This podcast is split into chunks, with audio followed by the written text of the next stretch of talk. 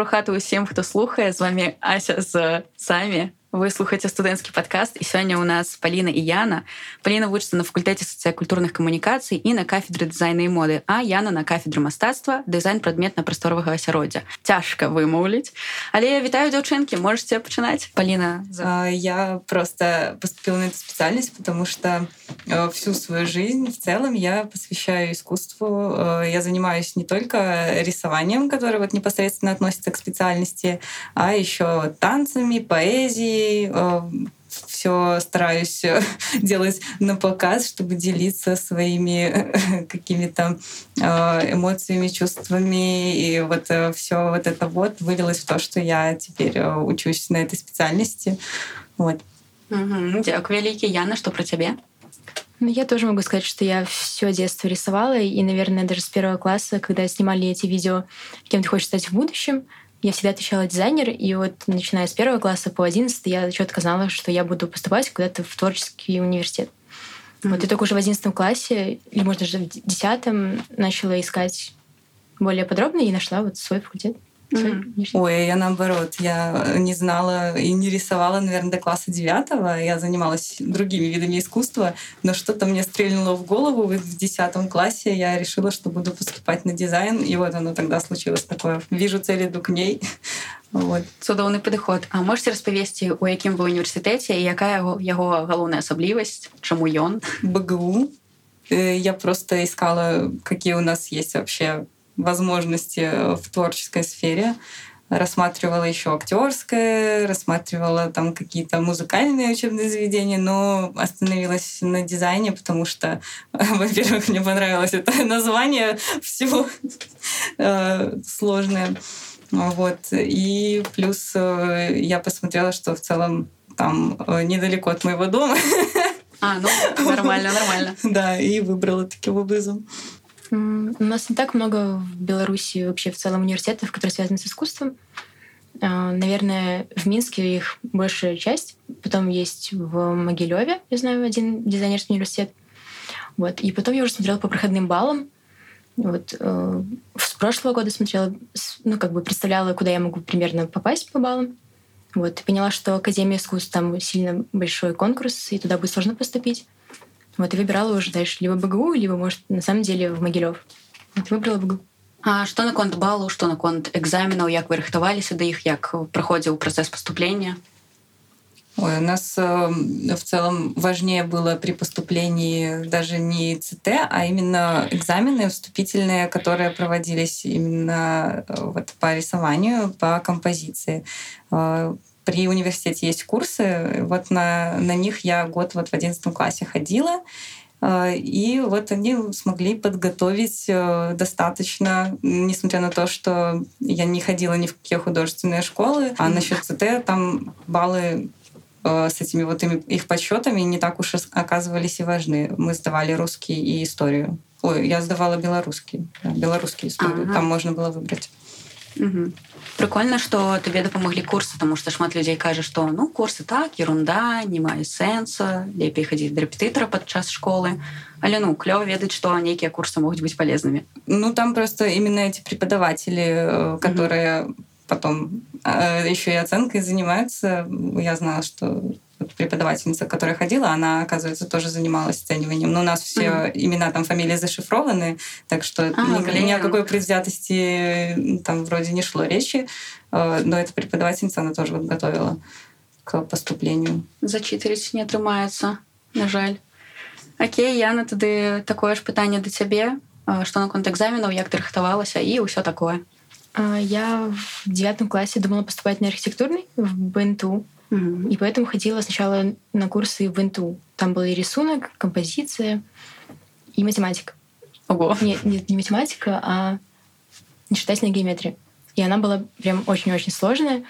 И я поняла, что в ИНТУ я не хочу поступать после этих курсов.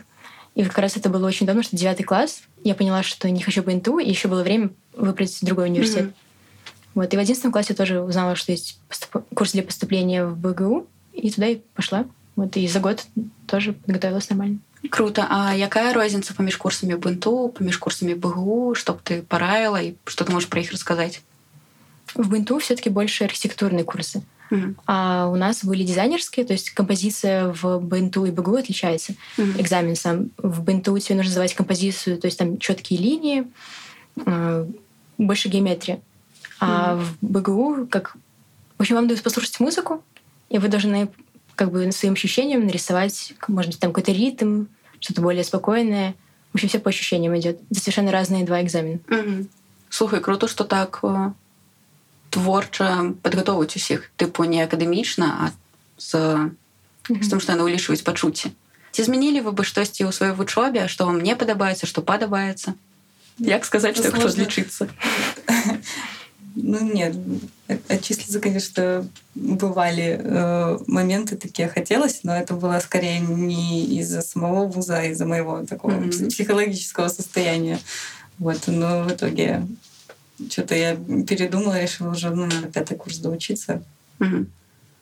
Ну, это сложно сказать э, вот какие-то конкретные изменения, потому что сейчас вроде то, что нам дают преподаватели, оно мне нравится. Ну, наверное, больше современных каких-то добавила технологий, потому что э, мы до этого несколько лет чертили даже конструкции одежды на бумаге на этих двухметровых листах на полу, ползая дома на коленках. А, и только на четвертом курсе нам дали программу, в которой можно это все чертить было, оказывается. А, вот. Смачно, дякуй. Да. И ты думаешь, стоили мои больные колени это вообще или нет? Ну и также с рисованием э, тех же эскизов одежды, ну, хотелось бы, чтобы их э, принимали и на втором курсе в электронном виде, но mm-hmm. тогда требовали именно ручками. Может быть, это тоже хорошо, то, что мы умеем и руками это делать, и в программе. Э, просто это могло быть, наверное, параллельно больше, mm-hmm. чтобы мы могли делать выбор в пользу чего-то. Ну да, не ползать на коленях усе гады, кроме да. апошняга. Было бы славно. Я на што наконт твайго меркавання, чтоб ты змяніла? Ці нічога? Я когда-то читала про Баухаус, как там устроена учеба.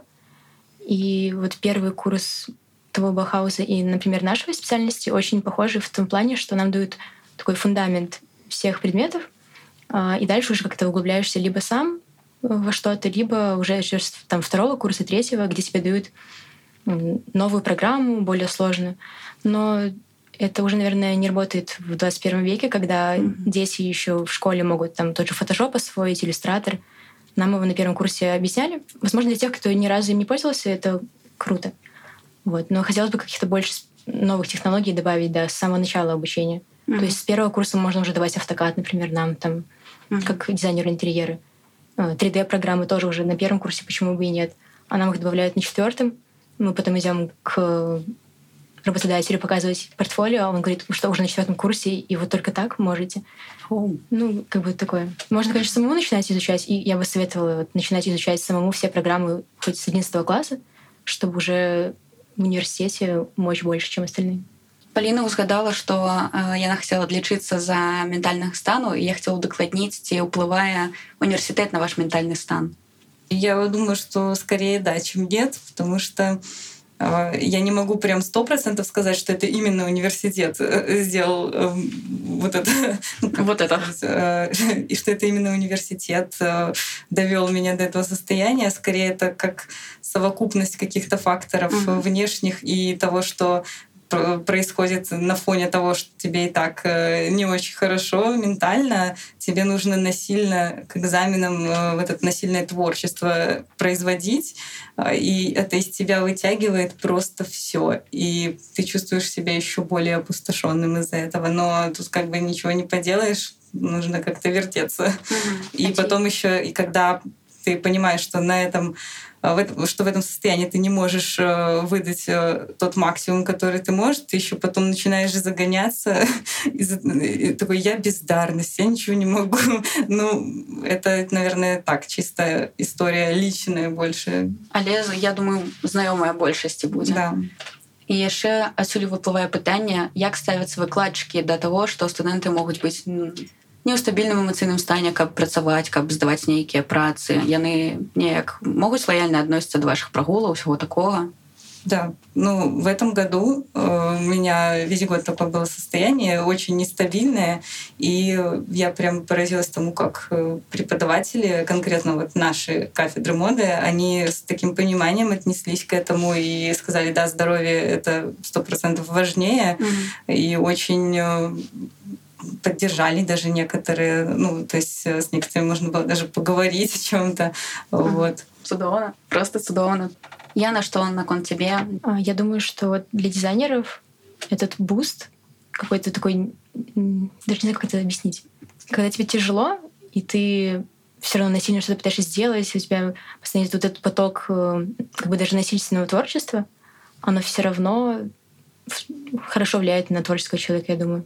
Mm-hmm. То есть, когда у тебя все спокойно в жизни, как бы ты рисуешь и рисуешь, а тут тебе нужно там 10 рисунков на один экзамен за ночь, и это тебя так выбывает из колеи, но влияет приятно. Хорошо.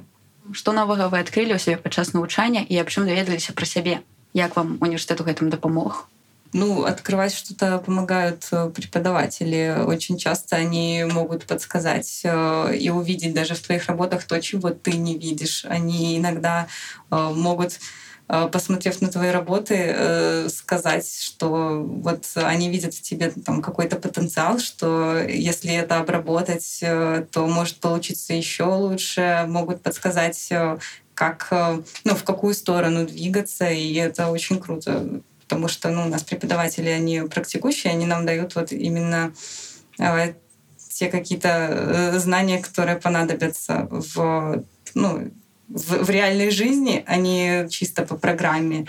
И помогают вот, э, таким образом раскрыть э, именно в ту сторону, вот, куда движется сама, сама этот поток. Да, преподаватели у нас, конечно, хорошие. Возможно, кого-то там, не любишь по час учебы, там тебя пилят, что-то, может быть, говорят не то, что ты хотел услышать. Но в целом они все очень хорошие и, и да, могут раскрыть в твоей работе что-то такое, что ты не видел сам і за гэтым благодарнасць А як праходзяць ваши пары і што на іх самае цікавае што запомнілася Ой, запомнилось э, на втором курсе наше первое занятие, когда у нас вот только э, распределение пошло. Э, первое занятие на втором курсе было, ну, преподаватели хотели нас еще заинтересовать и старались сделать тоже э, что-то, какие-то интересные э, занятия.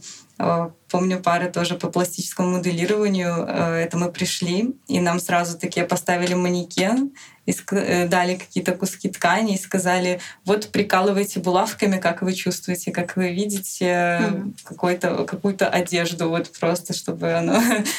Боже, я я отчуваю. Да, да, вот это самое. Mm-hmm. Ну, еще интересно было тоже вообще, мне кажется, любой новый предмет, он становился таким вот настолько интересным, даже тоже конструирование, э, это просто такой вау. Одежда на самом деле так конструируется, это так сложно, это так интересно изучить. Падобнае на лего. Да, типа того. Я на таксама на четвертом курсе і таксама цікава даведацца, што было для цябе таким, што запомнілася за ўсе гэтыя гады. Было, на самом деле, много чего. Что-то такое, что именно в стенах университета происходит. Как бы на парах, запоминающиеся и вне него тоже. Наверное, можно от, от, отличить занятия по живописи, например. Угу. У нас было до третьего курса, да? Да, первый, второй. Втором. В общем, у нас до второго курса идет живопись как э, прикладная специальность. Uh, то есть она, казалось бы, и дизайн интерьера, зачем нам живопись. Но это так интересно было эти постановки все рисовать, искать какие-то там рефлексы цветов, а потом выходишь за университет и идешь по улице и как бы уже по-другому даже смотришь на мир. Mm. видишь все эти переходы цветов это все такое калі на другім курсе напрыклад думаешь что гэты предмет мне абсолютно не патрэбен то уже пасля выпуску думаешь а дык вось навошта ён быў да. Да. знаёмая гісторыя ці існуе на вашу думку свабода творчасці ў рамках навучання наколькі вам даюць рабіць тое што вам падабаецца а не по нейкай праграме у нас на моде с большего так и есть. Нам дают какую-то свободу творчества. В целом создавать коллекции — это э, такое, ну, что, что невозможно контролировать извне. потому что это чисто э, наши мысли, наша какая-то философия, которую мы закладываем в эти коллекции. А преподаватели могут только направить именно с конструктивной точки зрения. Могут сказать, что ну то, что ты нарисовала, ну как бы это же невозможно сшить. А. вот. А, невозможно сделать так, чтобы эта ткань лежала так, как ты ее нарисовала. Ну, вот с этого, вот в этом плане э, я помню, я еще вот спорила дико с преподавателями. Да нет, можно. Потом сама попробовала и такая, ага, вот оно в чем дело было. А у нас есть дизайн, предмет называется дизайн проектирования. И там преподаватели вообще, мне кажется, они кайфуют больше, чем даже чем студенты. Они дают очень э, творческое задание каждый раз, и каждому студенту как бы своя тема. Например, нам нужно было сделать дизайн квартиры. У каждого студента был свой архитектор, свой э, дизайнер, который делает мебель, например э, место, положения, место жительства дизайнера свое. То есть все это влияет на итоговый результат, и у всех получились разные проекты. Очень интересно вот именно было работать. Э, даже вот у нас, э, если проследить, задания дают вроде одинаковые. У нас дают задания там э, на этот семестр как коллекции детские, там потом коллекции подростковые, взрослые, мужские, женские, там нарядные, повседневные. Это все мы учимся делать. И смотришь на работы одногруппниц и видишь, что реально тема одна, но мы все настолько по-разному это видим. Ну и как-то преподаватель родители не закрывают нас в рамки того, как, как это должно выглядеть. Ну, это круто, что нема такого, тому что я ведаю, что на великой колькости творчих специальностей выкладчики такие типу не, вось, у нас в книжце написано так, тому робим так. У нас даже если упрется, есть там преподавательница, которая критиковала некоторых, mm-hmm. некоторых за то, что они там фигуру модели там не такую рисуют. Ну, ты можешь все равно это отстоять э, и сказать, а мне вот нравится так и все. Вы, вы не забудете позитив, это ваша проблема. Мне подобается. Да. Нормально. Ну, то есть два не поставят, если ты нарисуешь широкие бедра модели. это боже. Да просто услышишь, э, что что-то не так, но скажешь, что я не собираюсь ничего менять, такие ладно. А наколькі цяжкімі для вас здаваліся экзамены тыпу унутраныя як сессия и все такое Ох, ох, на первом ох, курсе, ох. на первом, на первом и втором курсах э, так серьезно просто к этому всему относишься, когда только вот эти первые сессии, ты можешь не спать по две ночи, закидываясь энергетиками, просто э, ползать в универ, раскладывать эти работы на пол, чтобы их смотрели. Э, ну, а чем дальше, тем легче сессии становились, потому что э, ну, не знаю, появляется ощущение какой-то уверенности в том, что ты делаешь. Mm-hmm. И ну вот нет такого ощущения, что ой, меня сейчас отчислят. Что наконт твоих экзаменов, Яна? Если бы была возможность поступить на первый курс опять и больше времени уделять экзаменам, например, не за одну ночь нарисовать 10 рисунков, а, например, за месяц каждый день рисовать по чуть-чуть, то, конечно же, результат в итоге получился бы лучше. И как бы все студенты понимают это, что там чертеж за ночь отличается от чертежа, чертежа за месяц. Uh-huh. Вот. И если бы можно было изменить ситуацию, то я бы с первого курса начинала делать заранее, планомерно, uh-huh и получать бы работы более качественные и более красивые.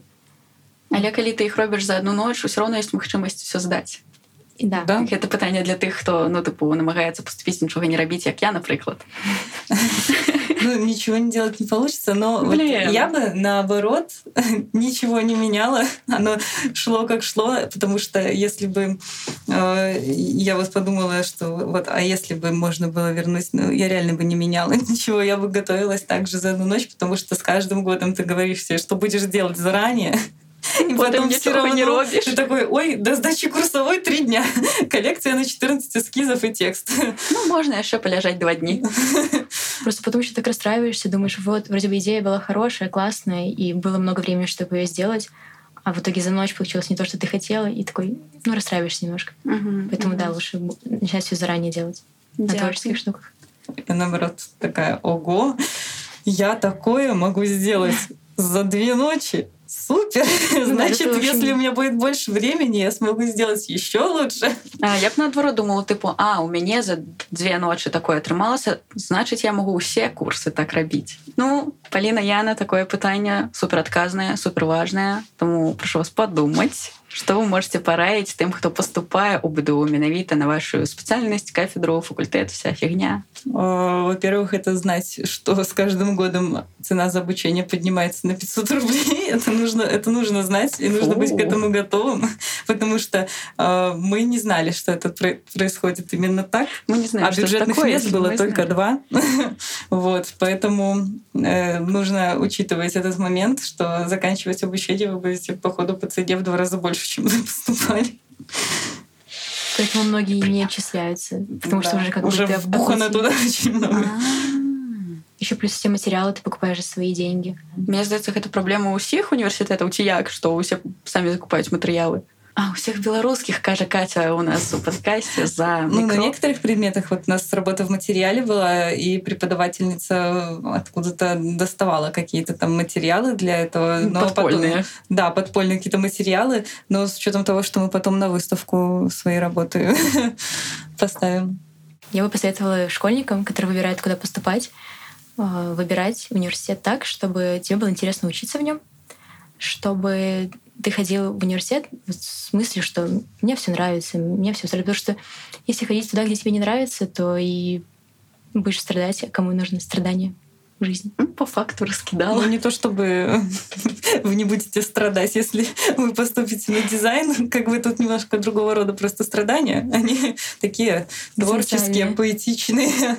Но это приятнее, чем страдать, э, учась в экономическом э, и, не, и понимая, что ты не будешь работать по своей специальности потом. Еще и на бюджете, коли. Да. Ці варта паступаць па прэстыжнасці спецыяльнасці ці па зову сэрца. І вось вы калі ўжо адвучыліся па сутнасці чацвёрты курс это супершмат. Што вы плануеце рабіць далей? Ці не дарма гэта ўсё было? Як вы лічыце? По зову сердца или по престижности, это, наверное, дело каждого. Лично я поступала сто процентов по зову сердца, э, потому что ну, мои родители вообще были против того, чтобы я училась на творческой специальности и не видели в этом перспектив. А, а ці ёсць перспектывы на твою думку ну я думаю что мода это не занятая ниша у нас в Беларуси совершенно. Поэтому, если ты захочешь, то можно будет делать вещи. вот, и если ты задашься этой целью. Я ведаю шмат ведаеце таких маленьких бутыкоў, якія робяць тыпу дызайнерскія шмоткі, іх носяць, але яны каштуюць пад мільярды і выглядаюць як ну ну, ну як яны выглядаюць. Таму да магчымасць калі не рабіць штосьці добрае то зарабляць грошы дакладна ёсць ну у нас есть и крутые дизайнеры mm-hmm. которые еще не уехали да, в Грузию варто сказать об этом да есть э, реально люди которые тоже э, занимаются этим развитием но их осталось немного Менавіта засталося вот. важное слово. Да, осталось немного. И если и оставаться здесь, то тут как раз э, это будет не занятой нишей, в которую можно будет вклиниться при большом желании. Угу. Яна, что на твоих планов? У меня много знакомых, например, с той же школы, которые поступали, например, куда им говорили родители, или куда больше баллов было, куда они приходили по баллам. И вот четвертый курс у нас у всех, и я вижу, что они все четыре курса страдали. То есть ходили на экзамены с ненавистью, учили предметы, эти билеты, так что им ну, не нравилось абсолютно все. Мне, наоборот, каждый день, который я учусь, нравится, все предметы нравятся. Экзамен называть несложно, вот поэтому у меня выбор... В общем, я бы сказала, что надо выбирать так, чтобы тебе было интересно учиться пять лет, и уже потом думать про перспективы. То есть вот пять лет после школы, которые ты проведешь в университете, они важны. Э, те предметы, которые нам дают, э, особенно это огромное количество курсов истории, оно э, ну, вот история искусств, история дизайна, там просто история, история костюма, и, и что там у нас только не было, это все разные были еще и экзамены разные. Оно настолько э, делает объемным твое мировосприятие, ты просто начинаешь э, видеть э, пространство себя в этом пространстве совсем по-другому. Оно больше, ну, оно перестает быть плоским, оно реально ты разглядываешь любой объект через призму истории и понимаешь, э, откуда вообще это, ну, это родилось. Смотришь даже на дома какие-нибудь, э, которые ну, мимо проходящие, смотришь на какие-то объекты ну, простые, обычной жизни, и видишь в них уже нечто большее, чем просто объект, чем просто какой-то э, какая-то вещь, которая помогает тебе там в той же жизни, тот же там блендер или тостер или что-то еще. Э, начинаешь анализировать очень много и очень много копаться. Ого, настолько глубоко все. Да, интересно наблюдать, как учеба меняет тебя, как ты пришел туда вообще совсем школьником, знал, что такое красный, там желтый, синий цвета, краски, а потом ты приходишь на какую-нибудь лекцию по философии или лекцию по теории дизайна, методологии, где преподаватели с таким стажем, ты думаешь, как вообще можно столько знать mm-hmm. и столько давать студентам. Вот ты выходишь с пары и думаешь, все, теперь я возвышен. Теперь дизайн. Да, у нас организовывают еще поездки по истории искусств э, каждый год, по-моему, или даже по два раза в год мы ездим по Беларуси, смотрим на памятники архитектуры, э, готовим какие-то высказывания ну, на какие-то темы, которые нам уже заранее дают, э, анализируем. Преподаватели в этом помогают. То есть они тоже смотрят на эти объекты, это не выглядит как просто школьная экскурсия, а это выглядит как диалог э, преподавателя и скорее даже не студентов, а как младших коллег. Э, вот, ну, такое... Э, коллеги. Вот такой вот вайб у преподавателей вот я прям чувствую, что они не относятся к нам как к детям, которых нужно отучить и отпустить. Они готовят реально как вот младших коллег нас. И это очень приятно, что отношение такое более более на, на высоком уровне, как это объяснить, даже не знаю.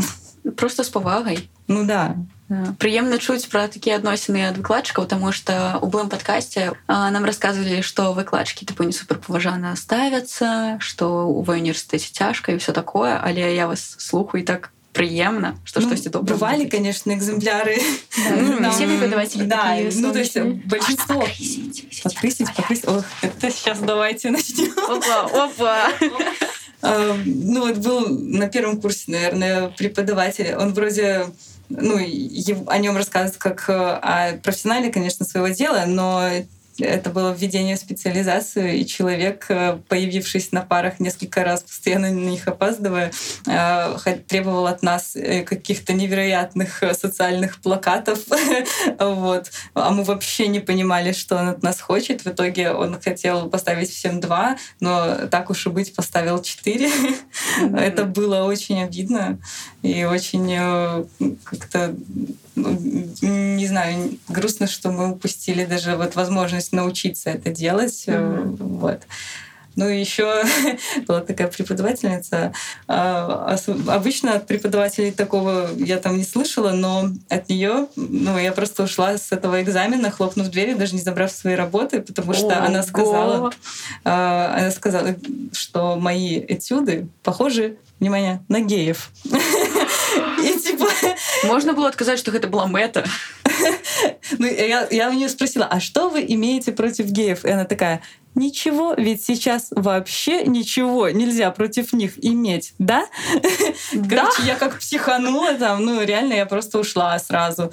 Я думаю, неужели тебе надо было это высказать? Я могла бы сказать, типа, тебе шесть э, пока. Ну, типа, она сказала, я не могу это оценить. Я думаю, ну вот надо было высказывать еще конкретно эту тему. По, по технике бы мне что-то сказала. Dislike, experience, непрыемны. У нас была вот преподавательница без фамилии. Но она не то чтобы вела себя не подобающе, но просто все боялись ходить на ее пары. То есть, когда ты боишься идти на урок, это, мне кажется, самое страшное, что может быть в университете. Это когда... гиперстрессово. Это очень стрессово, когда ты знаешь, что тебе нужно взять волосы, хвост, э, ногти, если у тебя накрашены яркий цвет, тебе капец там нельзя надевать было короткие юбки. Ну, в общем, вот это все странное. И ты якая у творчым университете. Ну да, конечно. У нее к моде особое отношение было. Она почему-то а, обходила все эти требования стороной. Нас было четыре человека, или пять на тот момент. А, одна девочка потом перебазировалась на арт. А, вот. И мы ходили на пары, и как-то она... Мы, мы только были наслышаны о том, что она делает со всеми остальными, а к нам она относилась ну, ну как-то очень лояльно, даже слишком. Мы еще удивлялись, почему так. Вы а, вызначили, чему так, ці, так и нет? Ну, видимо, не знаю, вот любит она моду и все. Она вот. вроде училась. А, и к нам она относилась менее предвзято, и даже единственный раз, когда она довела меня до слез, это было, что она сказала, что я талантливая девочка. А другие рассказывали другие истории, как она доводила людей до слез а, негативные. Вот. Я думала, ты зараз скажешь, что она что-то жудасное тебе сказала. Нет, она сказала, что я талантливая девочка, и меня размазала просто. Да, максимально. И все говорят, как она к тебе нормально относится? Ты же с пирсингом. Просто талантливая девочка. Да, она просто талантливая девочка. Ну что у нас я думаю у нас усё калі вы хочаце сказаць штосьці нашим слухачам то гэта ваш зоркавы час ну и я хочу сказать что не слушайте родителей и поступайте туда, где вам будет очень интересно и очень круто. Это э, реально будет упущенная возможность, если вы будете все реально, как сказала я, на пять лет ненавидеть свою жизнь и просто не понимать, для чего вы вообще это делаете.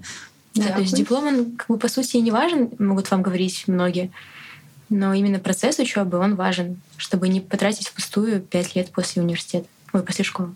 Дзякую. Я думаю, гэта добрыя парады. А я ў сваю чаргу слухачам нагадваю, што з намі была Паліна Яна, Паліна з факультэта сацыякультурных камунікацый з кафедры дызайна і моды. Супер цяжка вымаўляць. А Яна з кафедры мастацтва дызайн прадметна-прасторавага асяроддзя. Дзякуй вялікі дзяўчынкі. Я нагадваю зноў слухачам, што з вами была Ася, гэта студэнцкі падкаст і добрага вам дню што яшчэ.